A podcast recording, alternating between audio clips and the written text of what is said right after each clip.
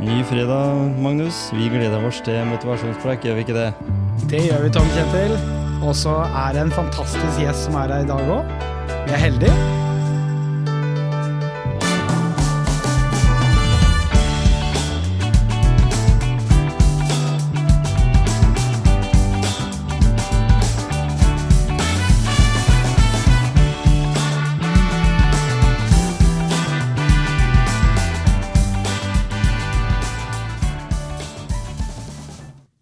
I dag så sitter jeg jo egentlig her uh, aleine, ja. Magnus han eh, har fått et eller annet som gjør at han har blitt forhindra. Det må være disse kiwibakteriene, tror jeg han har fått i seg. Men jeg har allikevel tatt det skrittet ut ja, og, og invitert en kar på nesten to meter på sokkelhesten. Velkommen til motivasjonspreik, Jan Kvalheim. Takk for det. Vi eh, bruker en sånn moderne teknologi som har blitt veldig vanlig de siste to og et halvt åra. Vi behøver ikke å nødvendigvis eh, være i samme rom lenger, men eh, allikevel, det funker greit. Vi hører hverandre godt. Og så må vi jo begynne da med Jan som ja, tøfla litt rundt på Gjemse. Ikke tøfla kanskje, men du trippa rundt på Gjemse i din barndom. Eh, 1963-modell. Ja, stemmer. Jeg er født og oppvokst på Gjemse i Dag Eilertsons gate. Ja. Og nei, jeg hadde en veldig veldig fin barndom. eh, Veldig aktiv. Bodde rett ved en sånn liten fotballbane. Mm. Eh, og var eh, veldig aktiv, spilte mye fotball og, ja, og hadde masse venner eh, i og rundt Gjemse-området der. Ja, ikke sant? Jeg vokste jo opp på andre sida, ja, noen år eller noen år før Ikke etter, eller noen år etter, mener jeg. Jeg er 67-modell. Så vi, vi som bodde på nedsida av Porsgrunnsveien, Grogata, vi var ikke så veldig ofte over dit før vi begynte på ungdomsskolen. Men jeg vet nok hvor du mener når du snakker om den fotballbanen. For det var noen ganger vi fikk lov til å stå der og se på de store gutta spille òg. Men du, du fikk jo ditt eh, idrettsgrunnlag gjennom eh, et veldig bra eh, miljø i, i volleyballen i, de- den gangen Hjemsø. Det var eh, nesten alle, alle Alle jeg vet om av de store gutta, og også noen av jentene, som, som spilte der. Faktisk helt oppe i toppserien. Mm. Ja, altså vi hadde Vi var heldige som hadde Vegard Nei, unnskyld, Bjørn Høydalen. eh, Faren til Vegard Høydalen. Og Mm. spesielt eh, Spakmo, som var gymlærere på Gjemse skole. Mm. De, eh, de hadde veldig mye volleyball i gymtimene, og det gjorde sitt til at nesten alle spilte volleyball på Gjemse skole. Ja, ikke sant? I, fri, i friminutta så ble det også satt opp en del eh, nett ute i skolegården, sånn at eh, vi spilte både i gymtimen og i friminutta. Eh, og så etter hvert så husker jeg at når, For jeg gikk i syv, den gang syvende klasse, og så var det broren min som gikk i niende klasse. Og han og de kompisene hans de hadde startet et skolelag i volleyball. Så de hadde treninger også utenom skoletida. Så sa han at Jan, du må være med her. Da visste jo ikke jeg egentlig hva volleyball var. Eh, men så ble jeg med fordi jeg var lang. Jeg, jeg tror de så at jeg var den lengste i min klasse. Og så ble jeg med der, og så syntes jeg det var gøy, og vi hadde det veldig gøy. Og så hadde vi et skolelag som gjorde det veldig bra, sånn at det var gøy å spille, og det var gøy å være med på et bra lag. Men det som jeg husker var at vi hadde da Eldar Spakmo, som var vår gymlærer. Han var den som styrte det skolelaget. Og Det var også han som lagde og starta Gjemse volleyballklubb sammen med noen andre. Og Det var en fyr eh, som eh, ikke kunne egentlig så veldig mye om volleyball, men han var en fantastisk herlig person som gjorde at eh, vi hadde det utrolig gøy på treningene. Vi, vi gleda oss til å gå på hver eneste trening. Og vi var jo der mellom 15 og ja, 17-18 år. Men, og da var Eldar kanskje 30-32, men vi så på han som utrolig altså var, Han var veldig voksen, men han var også veldig veldig barnslig. Mm. Så vi syntes det var så gøy å holde på med han. Og eh, nei, han skapte et vanvittig bra miljø. Og dette ble da et lag som eh, eh, ja, Skolelaget vant den skolelagsserien, og så ble vi et juniorlag som vant junior-NM. Og da begynte den eh, ballen å rulle. Og da valgte Eldar og Bjørn Høydalen og de andre å starte Gjemse volleyballklubb. Som eh, etter hvert også spilte seg opp i toppdivisjonen. Så, nei, så takket være Bjørn Høydalen og Eilers Bakmo, så ble det et fantastisk bra volleyballmiljø på Gjemse skole. Mm, jeg vet jo det, for de var jo gymlærere til den uh, alders, uh, det alderstrinnet jeg var òg. Og Eldar var jo klasseforstander, tror jeg, til det som jeg var i B-klassen, og, og, han hadde A-klassen, husker jeg. Så vi hadde jo en mm. lærer, hun var jo mer opptatt av jenka og teater og sånn, mens uh, A-klassen, der blei det jo stort sett rekruttert mange ja. der til neste kan du si, generasjon etter dere igjen. Mm. Som det der mm. dere var på en måte forbildene. Og så etter hvert så, så blei det en, en, hel generasjon med unge gutter og jenter som, som utvikla For jentene også gjorde det jo bra. Mm. De hevda seg jo, de også, i, i, i nasjonalt. Mm. Så det var statusen det var å ha liksom Gjemse volleyballklubb, treningsjakke eller Hercules da, for de som bare drev med fotball. ja, ja, ja. ja, ja.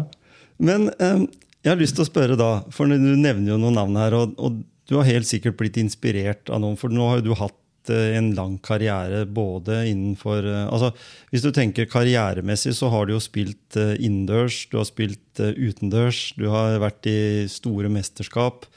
Men allikevel, bak, bak, alt det her, hva er det som var den største inspirasjonen? Altså sånn, Har du noen person eller noe som skjedde der? Du sier jo litt kanskje i det med Jemsø volleyballklubb, men ja, eller eh, absolutt. Eldar Spakmo er den jeg må dra fram der. fordi som sagt, han var en vanvittig herlig fyr. Mm. Som skapte et vanvittig bra miljø. Vi hadde det så gøy på treningene. Jeg vet ikke om jeg hadde sittet her i dag eh, hvis ikke det hadde vært Eller jeg hadde ikke sittet her i dag hvis ikke det hadde vært for Eldar Spakmo. Eh, for jeg vet, for jeg, jeg, I den samme tiden så drev jeg både med fotball og litt basket og friidrett og en del andre idretter. Eh, så volleyball i starten var en av mange idretter som jeg holdt på med. Men i og med at han skapte et så vanvittig bra miljø, vi gleda oss til å gå på treningene, og han gjorde så enormt mye for oss eh, ungdommen. da. Mm. Han eh, organiserte den skolelagslaget vårt, men også serien. Han eh, var med å starte Gimsø Cup, som var da Norges største ungdomsturnering i volleyball. Mm. Eh, og han Altså, han med familien reiste til eh, Polen på sommeren og kjøpte treningsutstyr til oss. og nei, Han gjorde så enormt mye. Eh, men når, og når jeg spoler litt tilbake på livet mitt, så tenker jeg at ordet trivsel har vært veldig veldig viktig for meg mm. hele livet mitt. Det å ha det bra og det å ha det gøy det har vært veldig viktig for meg. Og da tror jeg også eh, kommer litt tilbake til dette her med, som jeg sier, med at vi hadde det så utrolig gøy Eh, på de treningene og i garderoben. For vi visste at Eldar alltid fant på noe tull og tøys. Mm. Eh, og for han da som vi så på som voksen, så var det gøy å se en voksen person være på vårt nivå sånn humormessig og, mm. og sånn. Så, så det, han var en fantastisk herlig person som skapte et vanvittig bra miljø som eh, enormt mange mennesker i og rundt Gjemse har å takke enormt mye for. Ja, ikke sant? Og han hadde kanskje da den uh, litt sånn uh, barnet i seg, da, mens Bjørn var kanskje den som var litt mer alvorlig. For jeg husker han var en litt mer, mm. litt mer alvorlig og sånn litt seriøs type, kan, uh, på en måte. Jeg vet ikke om det stemmer? Jo, også Eldar hadde guttelaget, og Bjørn hadde jentelaget. Så mm. Bjørn var jo han som trente jentene og damelaget da, i, i, i Hjemsø. Ja eh, volleyballklubb. Eh, så Elda var jo den som jeg og vi hadde mest mm. Eh, med å gjøre. Men eh, Bjørn også gjorde en kjempeinnsats og kjempejobb med å, å, få jenter også til å begynne å spille. Ja. Og så hadde, så, jo, så hadde han jo noen sønner også som ble aktive etter hvert. Ja, ja, ja. Mm. Så, mm. så, så, volleyballen den tok jo veldig mye den gangen. Eh, men, men allikevel så har jo ikke volleyball blitt en sånn kjempestor idrett, selv om vi er i verdenstoppen. Eh, hvis du mm. tenker eh, norske klima er jo ikke akkurat bygd for uh, sandvolleyball. Og vi jo, har, jo, har jo vært i flere tiår så har vi vært best. Uh, om ikke vi har mm. ekstremt mange lag som mange av de andre nasjonene har, så har vi hevda oss. Tenker du at den For du har jo vært der. Du har vært der sammen med Bjørn Måseide. Uh, og, og, spilt da i OL og vunnet VM-medaljer og du har vunnet EM-medaljer. Hva er det som i utgangspunktet gjør at vi nordmenn eh, hevder oss i idretter som ikke vi helt har forutsetning, som er noe annet enn langrenn og skøyter og hopp. Tenker du? Ja, eller, for det første kan jeg bare si at uh, Både volleyball og samholball er egentlig nokså store idretter internasjonalt. Mm. Volleyball er veldig veldig stort internasjonalt. Ja. Eh, Eh, men når Bjørn og jeg starta å spille sammen i 1991, så Vi var to utøvere som var litt sånn sjuke i huet. Vi hadde så enormt mye selvtillit på det vi følte vi var gode på. Mm. Eh, Jeg følte at eh, med, For jeg spilte, sam, nei, jeg spilte volleyball først, og så fant jeg da den idretten samholdball. For jeg bodde i Frankrike i mange år og spilte mye samholdball på strendene der på sommeren. Og så fikk jeg høre at det er noe som heter tomanns internasjonal worldtour samholdball. Mm. Så tenkte jeg at ja, det er også en idrett som passer meg. Så jeg hadde mye selvtillit på at jeg følte at der fant jeg også en idrett som jeg kunne bli god i. Og så visste jeg at Bjørn Maaseide, som hadde gått to to år på UCLA i California, hadde spilt mye samholdball der borte. Og vi hadde begge vi, vi pleide å si at vi hadde tre tonn selvtillit på dette som vi visste vi var gode på. Så også jeg var høy i to meter, Bjørn var 1,96. Og på den tiden så var det ikke så vanlig at begge spillerne på et samholballag var høye, over 1,95. Vi, var, vi, vi fant hverandre eh, kjemimessig sett. Vi er jo liksom bestekompiser i dag, eh, 30 år etterpå. Og, har, eh, og hadde de, vi hadde en spisskompetanse som, var, som passa veldig bra til hverandre. Sånn at eh, vi var et lag som eh, eh, passa bra til å spille samhandleball. Så vi bare gikk all in på det med å satse på samhandleball, uten å tenke på at ja, men dere er jo fra Norge, og det er vanskelig for nordmenn å bli gode i dette her. Sånn prat har, har liksom aldri altså vi, har, vi har ikke brydd oss om det. Vi har, det har bare prella av oss. Mm. Um, for når man satser på noe så fjernt som samholdeball når du er norsk, det er veldig sånn uvanlig. Mm. Uh, og jeg sier ikke at noen prøvde å motarbeide oss, men det var liksom, sånn skeptisk uh, Eller mye skepsis i og rundt uh, volleyballmiljøet på at Mm. to menn skulle satse på noe som heter samholdball. For vi hadde jo ikke strender i Norge som man kunne spille mye på. Men eh, i dag, 30 år etterpå, så er det jo over 1000 samholdballbaner rundt omkring i landet. Mm. Og det, det er jo blitt sånn at eh, det er litt som du tenker der, eh, litt den janteloven. At en kan havne litt i den uh, sammenligninga der, da. Da skulle jo ikke vi hevda oss i friidrett, og vi skulle heller ikke hevda oss i noe så veldig mye annet. Eh, men, men allikevel, eh, når du nå uh, forteller folk på, på dine foredrag, fordi den, den historien du har med deg i bagasjen, den er jo viktig. Det er jo, den er jo en del av det budskapet du, du kommer med, vil jeg tro. Fordi du sier jo her at du ville ikke ha sittet her i dag hvis ikke det var for det som skjedde den gangen. Og at volleyballen har hatt en stor betydning for deg. På samme måten som andre personer også som, som gjør seg synlige der ute, og som deler gladelig i sin eh, kompetanse. da. Eh, Sånn som Olaf Tufte, for eksempel, da, som også er en idrett som ikke er sånn veldig stor i Norge, men som er stor egentlig sånn på verdensbasis, hvis du tar alle land under ett. Eh, Selv om volleyball er vel kanskje en av de største idrettene i tillegg til fotball. Eh, Hvordan var det da, når dere reiste rundt og kom eh, på disse arenaene?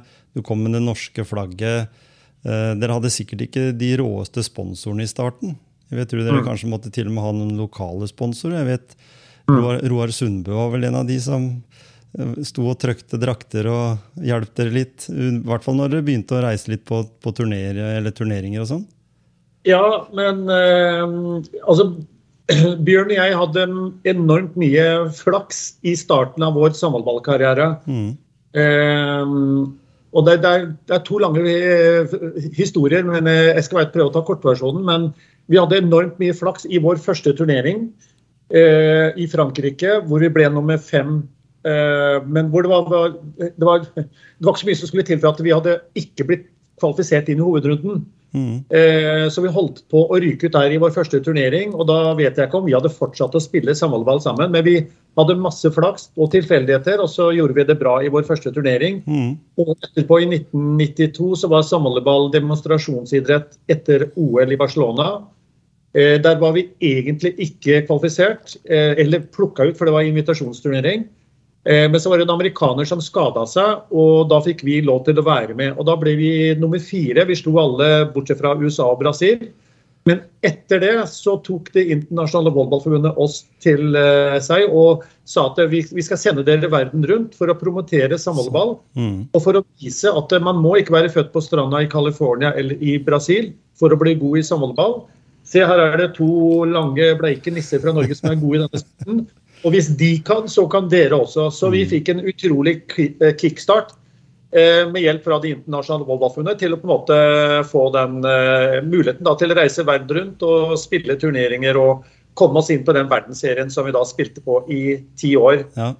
Uh, men, jeg tenker også litt i forhold til det du spurte om på forrige spørsmål med norske utøvere som hevder seg i idretter som kanskje ikke er typisk norske. Jeg tror veldig mange av de som nå hevder seg nå i tennis eller golf eller ja, samvolleyball Vi har jo et norsk lag, eh, sønnen til Kåre Mohl og eh, Anders Mohl og Kristian Sørum som vant OL-gull i fjor. Mm.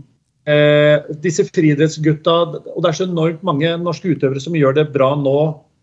Eh, og sånn som jeg kjenner alle disse folka, de er litt sånn sjuke i huet i forhold til eh, det å tørre å satse, ville satse, men også gjøre ting på sin måte.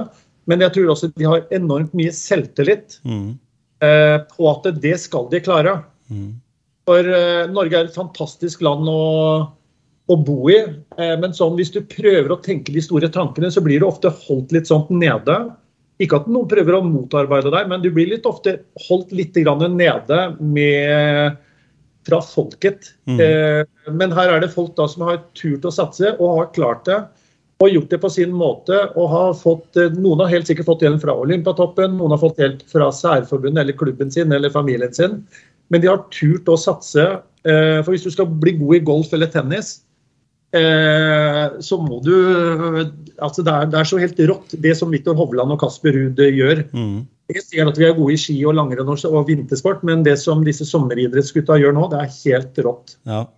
Og i hvert fall hvis du tenker at Norge altså nå, nå, kan de jo reise, og de kan jo bo på de stedene som alle andre. De kan trene med verdenstoppene.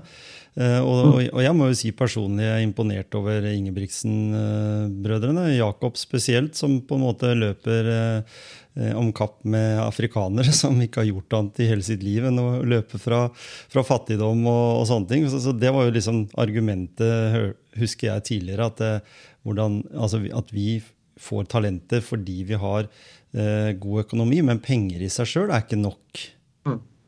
Det hjelper ikke det å ha en full lommebok. Det er, litt, det er litt fordel, men, men allikevel, du må ha et uh, talent og en sånn stayer eller en sånn inni, inni hodet. Altså, du må, må, ha det som vi snakker om, da, du må ha den rette motivasjonen. Ja, og uh, du må ha en lidenskap for det. Mm. Uh, når Bjørn Måseide holder litt foredrag, så kommer han innom besettelse. Du må være besatt av det å skulle få ut potensialet mm. i din idrettskarriere. Og noen har det 100% og noen gjør det 98% eller 93% eller 82 mm. Men det også gjør det 100% der tror jeg disse her, eh, som vi nevnte, altså disse navnene med Warholm og Ingebrigtsen og Kasper Ruud og Viktor Hovland og mange mange andre, eh, de har eh, gjort hva de kan for å få ut potensialet sitt. Og de har jo fortsatt sikkert noe igjen å gå, men de har liksom kommet der ved å tenke veldig unorsk. Mm. Så jeg syns det er veldig imponerende. Og veldig gøy at du nå begynner å hevde oss i store sommeridretter også. Mm. Og det, og det, er jo et tidsspørsmål om det om når, eh, når det kommer nye talenter. For jeg så senest i går på TV, så var det vel en ung gutt på tolv år fra Stavern som, eh, som løp uh, i tider som var langt bedre enn det Ingebrigtsen-brødrene har gjort. Og mm. da var det det Jakob sa, at uh, tørre å satse. Det var liksom viktig element. At man må tørre. Og at man må ta mm. en beslutning. fordi han, han her, karen her på tolv år han har jo ikke på en måte noen forutsetning for å si annet enn at jeg har lyst til å bli best i verden. Han hadde jo mm. allerede målsetning om å stille i OL i 2032. Så. Og det sier jo seg litt om, eh, om Jakob Ingebrigtsen òg, som sa nettopp det. At det var liksom målsetninga hans. At han skulle være med i OL i, i, et gitt år. da. Mm. Ja, jeg kan bare si litt også noen andre eksempler. Eh, det er en svensk lengdehopper som heter Mathias Sundeborn. Han var med på svenske 'Mesternes mester' for fem-seks år siden. Mm. På hans portrettintervju der så sier han at uh, når han var tolv år, så sier gymlæreren at du er jo kjapp og spenstig, du burde begynne med friidrett. Så begynte han med friidrett, var med på sitt første friidrettsstevne, vant lengdehopp. Og så spør han uh, friidrettstreneren sin hva er den svenske rekorden i lengde. Så sier treneren jo det er 7,95. Så sier Mathias Sundeborn som tolvåring Ha! jeg skal bli første svensken som hopper over åtte meter i lengde. Tolv år senere så klarer han det. Eh, 8.05. Eh, og så sier han at eh, den setningen sa han til seg selv hver eneste dag, hver eneste treningsøkt. Jeg skal bli den første svensken som hopper over åtte meter. Ja, du må ha talent, du må trene enormt mye, men du må også på en måte tørre å tenke disse store tankene i eh, huet sitt.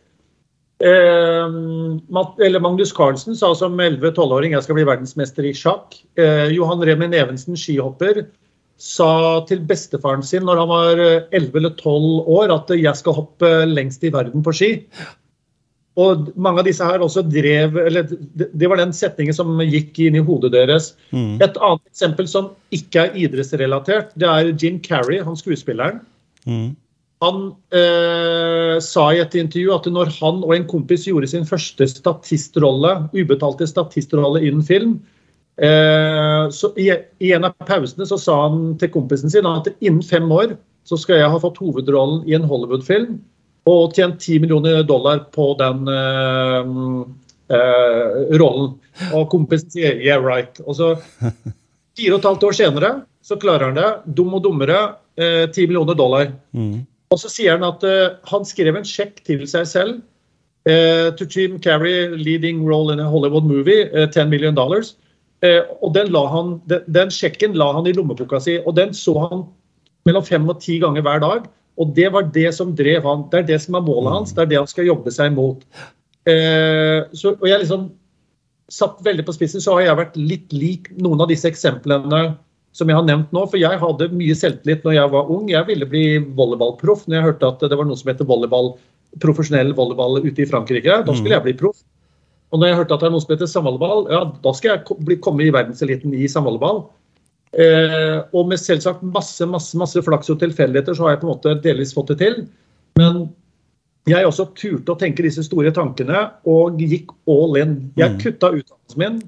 Eh, jeg dreit rett og slett i utdannelse, for jeg, hadde så stor trua på meg sjøl. Jeg tenkte at dette skal jeg lykkes med. Eh, jeg anbefaler ingen andre å gjøre det samme egentlig, for det er veldig få som klarer det, og enormt mange som ikke klarer det. Men jeg har hatt veldig mye flaks og tilfeldigheter, og truffet av Bjørn Maaseide som uh, makker også. Så, eh, men, men viktigheten av det å tørre å tenke de store tankene syns jeg er veldig viktig og fascinerende. Og når du sier da i ditt foredrag 'alt er mulig om du vil', så sier jo det litt om akkurat det du sier der. At, eh, at det bare er liksom å, å ha store tanker og, og, og sånn. Men i bakgrunnen der så må det jo være noen som, som pusher og, og, på en måte står der. Altså, jeg husker Olaf Tufte sa en gang at eh, det var de dagene som det var dritdårlig vær og det regnet ute, som man kunne ha lyst til å tenke at jeg orker ikke ut å trene, men han dro ut for det. Altså, du, du gjør det der lille ekstra hver eneste gang fordi du vet at for at du skal bli verdens beste, så nytter det jo ikke bare å trene to dager i uka eller bare stikke innom på, på trening. Sånn, sånn er det jo ikke i noen idretter i dag, faktisk. Fordi det er så sinnssykt høyt nivå, enten vi snakker om fotball eller, eh, eller sandvolleyball eller, eller hva det måtte være. Men, men det er jo dette nettverket, da. Jeg, jeg er veldig opptatt av eh, hvis du skal ha muligheten til å gjøre der alt er mulig om du vil, eh, så må du ha med deg noen på laget også. Du må ha med deg noen mennesker der. Det kan være en, en som sparker deg i ræva for at du skal komme deg ut, eller, eller en som hjelper deg hvis du har vondt i en muskel eller, eh, eller vond, vond rygg. For det, det er klart at eh, de fleste idretter i dag, jo før du begynner, jo, jo raskere kanskje oppnår du å få en irriterende skade eller en, eller, en, eh, eller en ting som du ikke er så veldig fornøyd med. Du, du har vel hatt, eh, altså Når du er to meter, så, så har du sikkert dine utfordringer rent fysisk. Du har en annen muskulatur enn hvis du er 1,70, vil jeg tro. Ja, jeg var nokså heldig, for jeg var veldig veldig lite skada når jeg var aktiv, men jeg har fått det nå i ettertid. Ja, så det, Jeg var heldig sånn sett. Ikke sant? Jeg så på Det var en uh, cup som ble spilt i helga, oppe på Storm. Der var det vel et par av de gode, gamle gutta, bl.a. Alexander Aas, som greide å ryke akilles, så jeg. Ja. Så han skulle ikke spille fotball mer. det er noe med det der at eh, kroppen på en måte, den er så i modus mentalt og fysisk at uh, i det øyeblikket du slår av bryteren, så, så syns jeg Det kunne vært litt interessant å høre, fordi du, du, du har jo vært eh, mer enn busy siden 2010 med 'Mesternes mester', blant annet.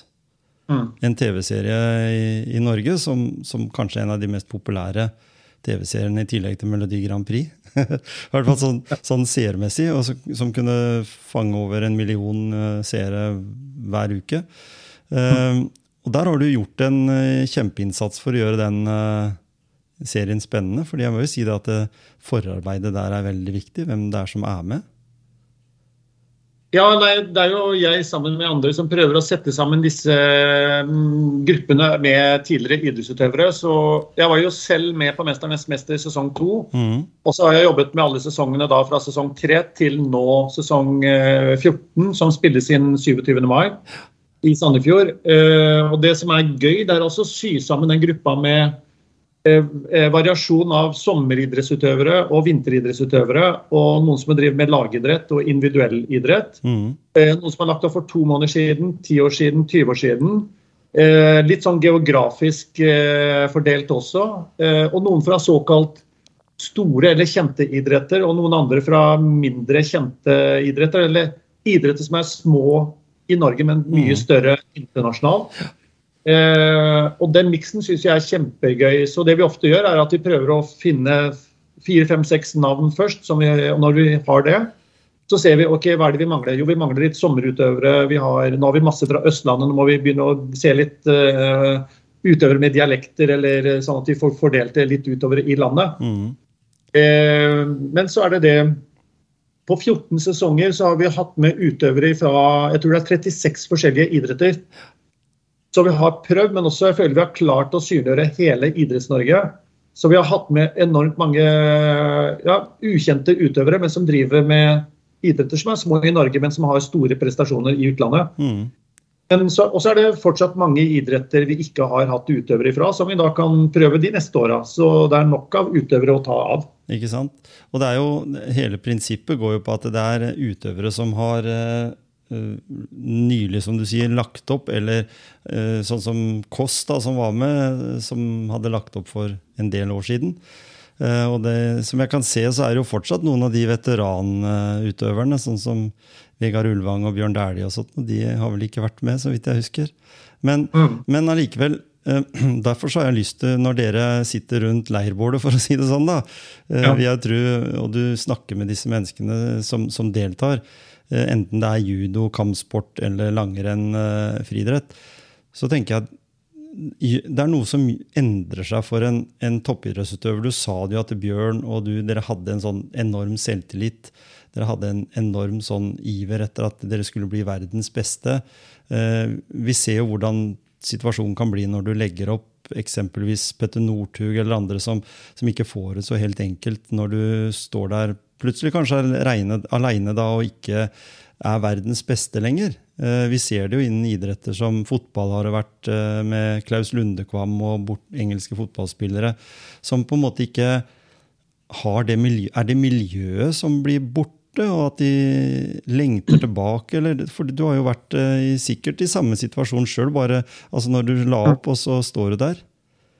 Ja, eller En samtale som veldig ofte kommer opp på 'Mesternes mester' når kameraene er borte, er jo det der med for Det er mange norske utøvere som føler at de blir glemt av Olympiatoppen og særforbundet sitt når de legger opp. Mm. Så de, jo, de, satser jo og eh, i x antall år, og så legger de opp. og da, eh, Hvis du da trenger noe hjelp i ettertid, hvis du har litt problemer med kneet eller ryggen, eller hvis du trenger noe, så, så er det vanskelig å få hjelp. Mm. For da har Olympiatoppen og Særforbundet funnet en ny utøver som de satser på. Så der, jeg vet det er mange som er litt skuffa over at de mister den hjelpen. For det er jo Olympiatoppen og trenerne på landslaget som sier at du må trene mer, du må trene mer. Og så Det resulterer da i at du får en dårlig kropp når du legger opp, mm. eller at du har kanskje noen skader som kommer et halvt år, to år etter at du har lagt opp. Mm. Og Da er det mange som føler at uh, da hadde de fortjent å fått litt bedre oppfølging enn det de da får. Mm. Så jeg vet også, jeg jobbet jo litt i det norske, eller Olympiatoppens utøverkomité fra 2002 til 2003-2004. Men jeg vet også at utøverkomiteen i ettertid har prøvd å få litt bedre system på dette. Mm. Eh, og så er det, som jeg prøver å fortelle dagens utøver, og gjort det mange mange år. Det er altså viktigheten av å skaffe seg et bra nettverk og drive litt sånn aktivt relasjonsbygging mens man er aktiv. For man er aktiv på et landslag i alt fra tre år til 15-20 år. Da har man muligheten til å skaffe seg et bra nettverk med å mingle mye med sponsorer, mingle mye med journalister, mingle mye med andre gjester eller av de folka du treffer da i løpet av din karriere. Og mm. en eller annen dag så trenger du kanskje litt hjelp fra en av de. Mm. Og der er det noen som har vært veldig veldig flinke, og andre som ikke har hatt fokus på det i det hele tatt.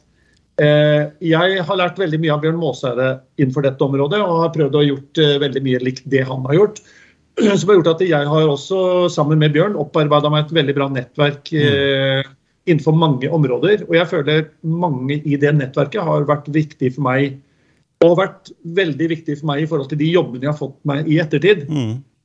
Og Et eksempel jeg også kan dra der, det er Vidar Riseth, fotballspilleren. Når han spilte for Lillestrøm, så sier Vidar at uh, to ganger i året så kom klubben eh, innom garderoben etter en trening og sier at eh, til torsdag så har vi et sponsor-kickoff. Jeg trenger to spillere som dukker opp. Alle spillerne begynte liksom å bøye seg ned for å knytte lissa for å bli så liten som mulig for ikke å bli plukka ut. Mens Vidar var opp med hånda. Jeg kan være med, jeg, jeg kommer. For han tenkte sånn da stikker jeg dit, og så treffer jeg x antall mennesker. Jeg får x antall visittkort. Eh, og skaffe meg x antall relasjoner som jeg kan da bruke i ettertid på mm. det jeg skal da jobbe med. Mm. Så han var utrolig fokusert på det og har skaffet seg også et veldig veldig bra og stort nettverk som han har hatt nytte av i ettertid. Ja, ikke sant? Jeg pleier å bruke Vidar som et bra eksempel innenfor det området. for det er, eh, Og det har jeg sagt til døtrene mine også. Uansett hva du skal jobbe med, Eh, ja, Det skader ikke å ha et stort nettverk, og det skader ikke å ha mange mennesker som du har truffet, som eventuelt en eller annen dag har lyst til å hjelpe deg med å ta en telefon eller åpne en dør.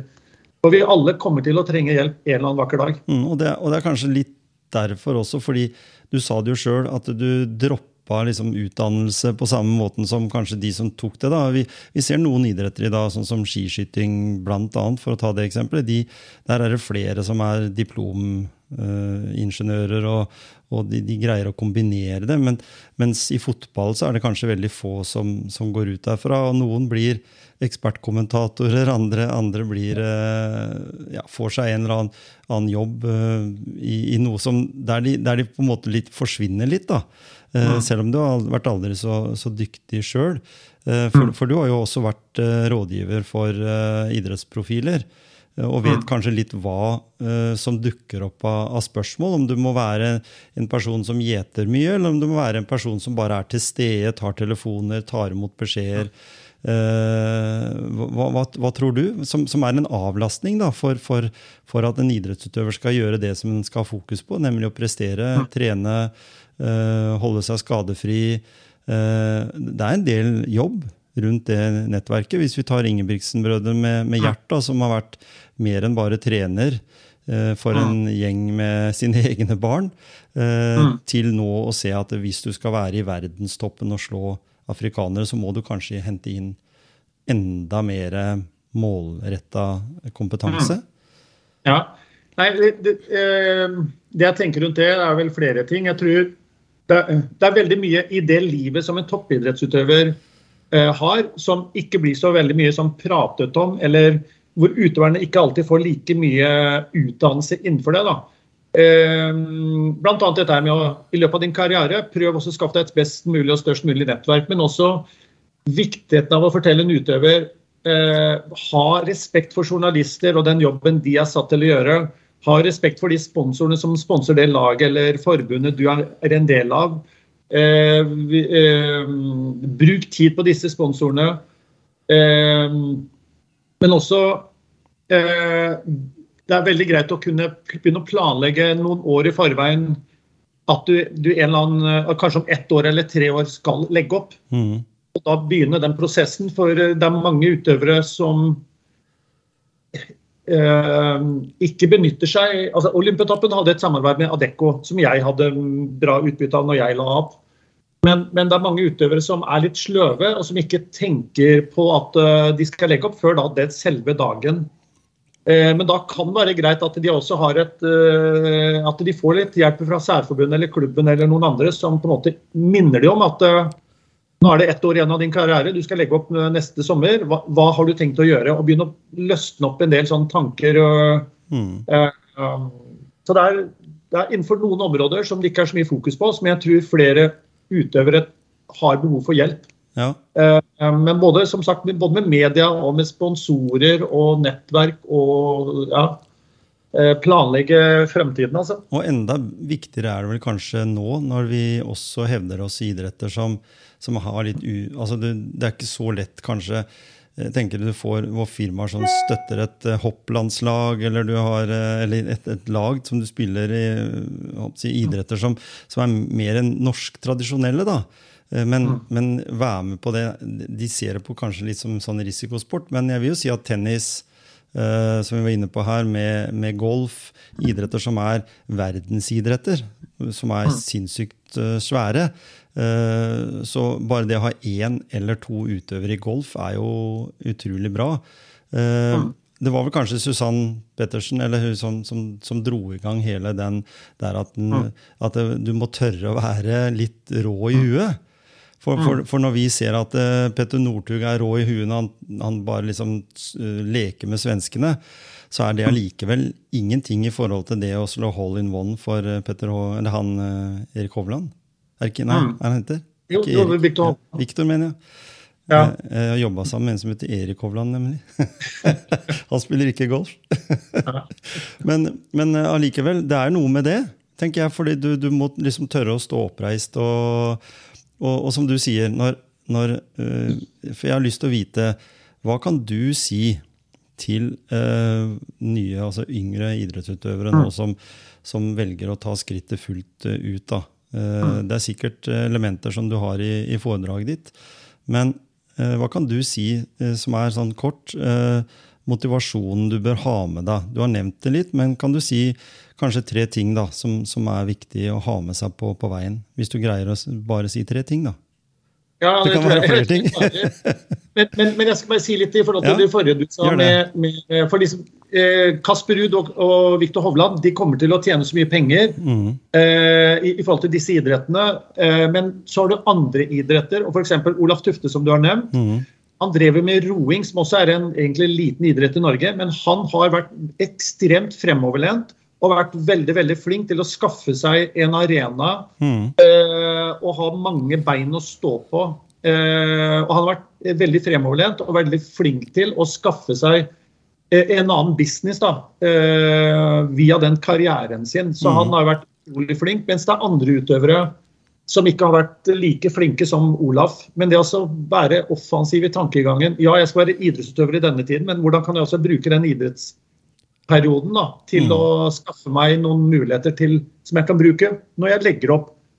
Og Ref dette med selvtillit som jeg begynte med tidlig. Jeg vet det er veldig mange idrettsutøvere som har enormt mye selvtillit på det de er gode til på idrettsarenaen. Og så har de også talenter utenfor idrettsarenaen, innenfor business, men der har de ikke den samme selvtilliten.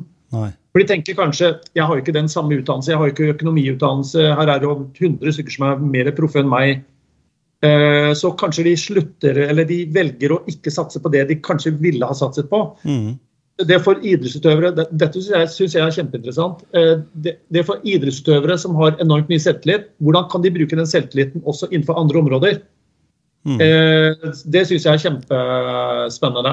Så, men i forhold til de tre tingene Nå glemte jeg egentlig helt ja, nei, det, det, som jeg tenkte på da, Du sier jo der, altså du sier litt om det der med For din idrettskarriere, du kan være best i verden, eh, og så kan du få f.eks. fotballbanen. da, så kan eh, sånn som Haaland nå, da, som går til City han kan få et spark i leggen og få et brudd, og så kan han være ute, eller karrieren kan være over. Det er liksom bare på et sånn knips så er karrieren over.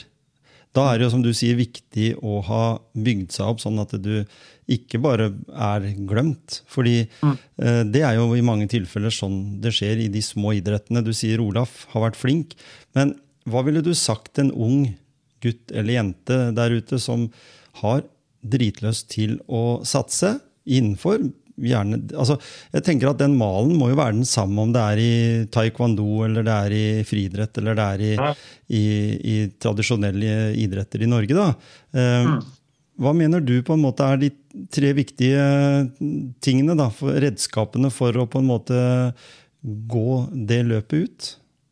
Ja, nei eh, skal se om jeg klarer å ta de riktige rekkefølge ja. her. Men eh, jeg tror veldig mange utøvere må bli flinkere til å jobbe med media og, skape seg, og gjøre seg selv til en profil. Mm. For mange så kan det være ekkelt eller kleint å ringe til, til lokalaviser f.eks. Og, og informere om at eh, nå til helga skal jeg delta i et brytestevne eller eh, et eller annet arrangement. Det kan være veldig kleint, men noen ganger så er det det som må til.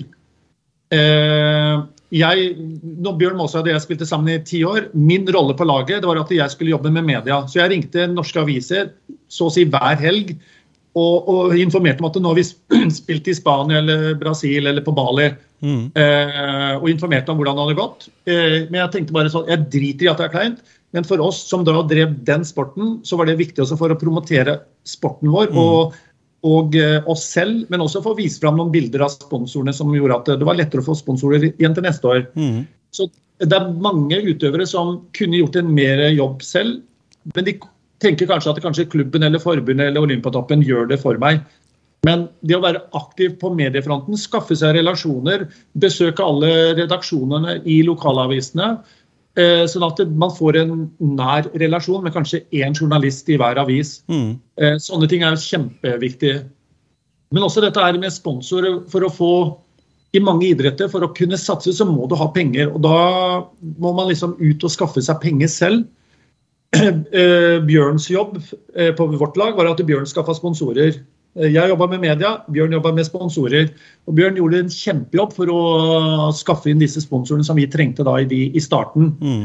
Men mange utøvere, selv, uansett om du driver med fekting eller bueskyting eller orientering eller hva som helst, du trenger noen sponsorer. Og da må du gjøre en jobb selv og høre med andre utøvere som har gjort dette før utøvere i din samme idrett eller i en annen idrett, eller folk som du kjenner eller som du bare kontakter. Mm. Og hør da, for det er veldig mange utøvere som har lyst til å fortelle hvordan de gjorde det når de drev for fem eller 20 år siden. Mm. Eh, men man må, være, man må gjøre seg attraktiv for mm, sponsorene, og da må man også ofte ha jobba med eh, journalister mm. eh, og mediene. Eh, men også dette er med å bare eh, ja, altså Gå all in på den satsinga. Hvis du skal satse, hvis du virkelig virkelig vil det, gå all in eh, og finne ut hva er din greie. For Hvis du skal kopiere det som andre har gjort, så tror jeg det ofte blir bare en kopi av andre. Men for det som jeg gjorde som sammenballspiller eller volleyballspiller Jeg var to meter lang, født med naturlig spenst, så jeg følte ikke at jeg trengte å gjøre så veldig mye styrketrening. Så mens de andre trente styrke og spenst, så satt jeg foran videoen og førte statistikk og analyse og studerte meg selv. Jeg studerte andre lag, andre spillere. Så jeg brukte enormt mye tid på det, og det føler jeg var veldig viktig for meg i min karriere. Så jeg valgte å gjøre ting på min måte. Mm. Jeg valgte å ikke gjøre det som andre hadde gjort før meg. Men kan, så, men kan ja. du si det der er litt som en, en, form for visualisering? At du visualiserte litt uh, fordi du hadde de eh, evnene uten å behøve å stimulere eller trene mer. Så for, fordi Vi har snakka med flere som, som, sier at det å visualisere Ser vi inne alpint, de står i, i startområdet med øynene igjen og, og kjører løypa nedover. og Jo, jo flinkere du er på det, jo, jo bedre blir du også som idrettsutøver. Absolutt. Og jeg husker også kanskje et rart eksempel, men jeg husker jeg hadde en, en prat med en i Odd fotball for mange mange år siden. Eh, for jeg spurte om har, hadde klubben en mediestrategi. Eh, og jeg skjønte at eh, den gangen så hadde de kanskje ikke det. For jeg, tenkte, for jeg, prøvde å si at eh, det kan være greit, Før sesongen starter, så kan det være greit å samle alle i klubben som kommer til å få en telefon fra en journalist i løpet av sesongen. Og så legger man en strategi for hva hvis vi etter tre eller fem eller ti serierunder leder. Mm. Hva sier vi? Hva er signalet ut? Hva, hvem uttaler seg? Hva, hva, skal vi prate om? Men også hva hvis vi etter tre eller fem eller ti serierunder ligger sist? Hva sier vi? Hva, for, da, for da, kommer jo gribbende journalistene og spør om trener eller eh, det ene eller andre eller nye spillerkjøp. Mm. Men også ha en strategi på det, og en gjennomtenkt strategi på det. Eh, så kan man forhindre mye usikkerhet i media som gjør at den ene sier noe som kanskje ikke var så avtalt med noen andre, og så blir det misforståelser, og så hiver media seg på disse misforståelsene, og så blir det bare rot. Så jeg tror det er veldig mange, både firmaer og idrettslag, klubber, forbund som ikke har tenkt gjennom eh, og ja, på en måte visualisert hva er det som kan skje i løpet av denne helga, denne kampen, denne sesongen. Mm. Eh, og det har Bjørn og jeg jobbet enormt mye med. Mm. Eh, Jeg husker når vi jobba tidlig med Rune Jarstein. Det var en gang han skulle, når han spilte i Odd, og Odd skulle møte Brann. Da var Håkon Oppdal på Brann. Mm. Og da var det rett før en landskamp, og da var det sånn hvem, Både i riksmedia og lokale media så var det hvem er keeper på landslaget nå neste landskamp. Og da skulle de møtes på Odd stadion mellom Odd og Brann eh, til helga. Og så sa jeg til Rune uken før at det kan være greit å begynne å planlegge Hvis du får spørsmål, hva skal du svare? Så at du svarer diplomatisk, kjedelig, bare sånn eh, Så at det ikke blir noen eh, misforståelser. At han sier en setning på fredag, så kommer det i førstesida i Varden eller Thea på lørdag. Ja. Og så angrer han på at 'Å, det var ikke det jeg mente'. Så går han rundt med de tankene Mm. tidene før kamp. da.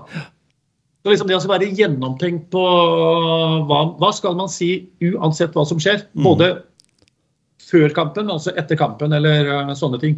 Som syns jeg er kjempeviktig og kjempeinteressant. Men da, men da var det vel sånn at du fikk jo da svar fra den personen i Odd at de hadde ikke noe egentlig strategi den gangen. De er kanskje litt mer framoverlent nå, eller at de Ja. må være det innenfor norsk fotball. fordi en ser jo hvordan uttalelser, sånn som var med Bodø-Glimt her, hvordan det var lite som skulle til for å lage en kjempegreie ut av, ut av det på, på, på verden, ikke verden, altså, men la oss si på de europeiske medier, det sirkuset som er der, da, innen fotball i hvert fall. Ja, og, der, og den personen i Odd jeg skal ikke nevne navn, men den personen i Odd ga meg et svar, men jeg skjønte ut fra det svaret at eh, nei, de hadde ikke en mediestrategi på nettopp Nei. dette. Ikke sant? Eh, men men, men eh, jeg tror både for firmaer og klubber og idrettsutøvere så det å jobbe det å ha en ja, Du må ha respekt for media, om det er en lokalavis eller riksmedia eller Mm. nettavis eller uansett. Ha, du, som utøver du må ha respekt for den jobben de er satt til å gjøre. Mm. Det er veldig lett å gjøre intervjuer når du har vunnet 3-0 og skåra to mål, men når du, har, når du er spiss og ikke har skåra på ti kamper også, du må, være, du, må, du må ha forståelse for at de fortsatt spør eh, hvorfor det ikke blir mål. Ja. Så, eh, og det, og hvis du har en gjennomtenkt på det, så kan du komme deg unna veldig enkelt. Da tenkte jeg sånn helt på, på tampen, sånn, eh, da innenfor lagidrett, men også individuelt, det med mental trening. Hvor viktig er det for eh, idretten? Altså, hvor stor andel tror du det står for? Altså den fysiske, Når det gjelder lagidretter, så er jo nesten alle utøverne så å si topptrent. Det er jo veldig få som går gjennom nåløyet, i hvert fall hvis en tenker eh, fotball, eller, eller kan jo være volleyball og andre idretter òg. Du kan ikke være sånn litt sånn småfeit lenge. Inn på badet. Du skal, skal tross alt ha et sunt kosthold, og du skal trene godt og du skal være skadefri. For bare en liten skade kan være med på å gjøre deg bare 95 eh, fit, da, og da er det for, det er for dårlig liksom, i, i sånn som det har blitt i dag. Eh, Hva tror du om det med, med mental trening, hvor viktig det er for, for disse utøverne? Jo, er, jeg syns det er ekstremt viktig. Eh, og jeg syns eh, Jeg skal ikke kritisere i det hele tatt, men jeg tror, jeg tror Olympiatoppen og mange i norsk idrett brukte litt for lang tid på å forstå viktigheten av mental trening. Mm. Eh, eller sørge for at en utøver som har trent fire år fram til OL eh, Minuttene, timene, dagene, ukene før, hvordan kan vi som støtteapparat sørge for at utøveren er 100% i bra modus Mm. sekundene du hører 'klar, ferdig, gå'? Ja.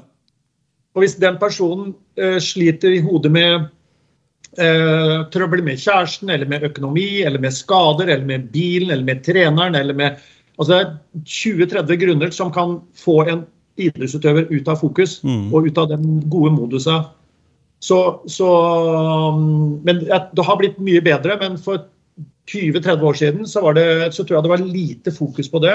Mm. Eh, hvordan kan vi som støtteapparat i et eh, lag eller forbund eller Olympiatoppen, olympiske komité, sørge for at alle utøverne er 100 klare mm. og i bra, god modus når startskuddet går. Ja. Um, og når du, når du, da holder ditt foredrag, uh, så er jo det en slags sånn fortelling om hva du har gjort, og hvordan du har lykkes, men også den erfaringa du har fått fra andre utøvere som du har tatt med deg på veien. Du, du refererer jo til ting som, som, du snakker om her fra andre utøvere, og sånn, som, som, på en måte har påvirka deg. da. Eh, hvordan tenker du nå framover? Hva, hva gjør du nå når du ikke skal kanskje få tid til å holde så mye foredrag, men du skal rundt og selge inn eh, Eh, baner i en idrett som du kanskje ble introdusert med i Frankrike den gangen du var der, for den har vel sikkert vært der i mer? Padel? Ja, nei, nå er si litt om det. To minutter. ja, nå er det padel som er det nye store. Jeg jobber jo med en del TV-ting. Ja, ja. Skal få delt uh, 'Mesternes mester' og 'Maskorama' og masse annet. Men uh, nå er det padel som er den store lidenskapen. Og mm. da er det mhm. Bjørn Måseide, Tor Husov, jeg og tre andre i Måseide-systemet som har starta Interpadel, som da er en padeltenniskjede i Norge. Så nå har vi åtte haller i Norge, snart ti. Mm. Uh, vi elsker å spille selv. Uh, spilte både nå fredag, lørdag og søndag her i Oslo. Uh, men det er, det er, den nye sporten som kommer til å ta helt av i Norge. Det har blitt veldig populært nå de to siste åra, mm. men det kommer til å ta like mye av her som det har gjort i Sverige. For Sverige ligger 10-15 år foran oss. Ja. Det er veldig stort i Sør-Amerika og i Spania, og eh, det er utrolig gøy. Der tiåringer kan spille, pensjonister kan spille, ektepar kan spille sammen eller mot et annet ektepar. Eh, det er rett og slett kjempegøy. Så nå, Det er det vi jobber enormt mye med nå. Eh, for å få folk til å vite hva padel er, og for å få lyst til å spille. Mm. Kjempespennende at det kommer nye aktiviteter, for det er jo en aktivitet for, for som du sier, barn, ungdom og, og voksne. Eh, og det at den får det haller også, gjør at det blir eh, tilgjengelig 24-7 på en måte da, i, i Norge, ja, ja. også med det klimaet vi har.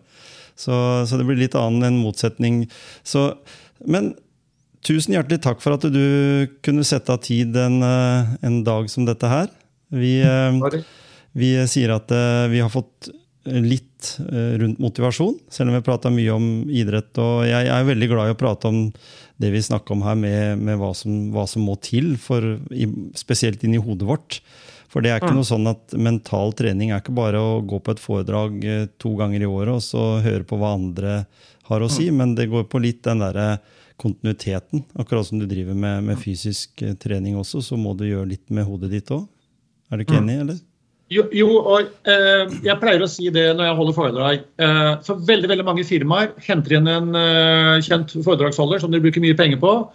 Og så kommer det et eller annet budskap, og så er det hallelujastemning i salen. Og sånn, og så kommer mandagen, og så kommer tirsdagen, og så kommer onsdagen. Og så på torsdagen så er det veldig ofte mye glemt av det som mm.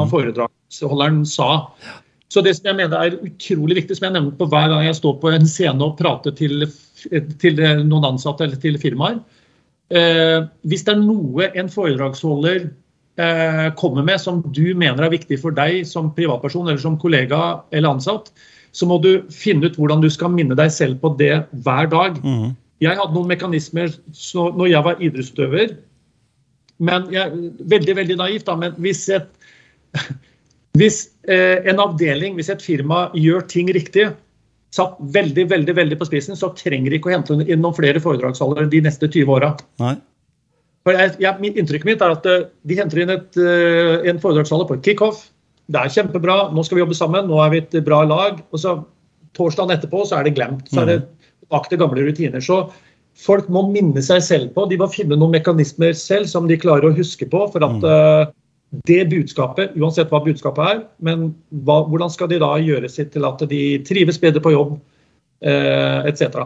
Jeg syns den lappen, eller den sjekken som du snakker om, jo, eh, Jim Carrey hadde, eller, eller sånn. jeg vet om utøvere som har en lapp i lomma, eller uh, til og med foredragsholder. vet jeg, Gyri Bekk Solberg har jo en sånn huskelapp som hun tar fram og, og, og mm. påminner seg sjøl om hvorfor hun egentlig ja. står her.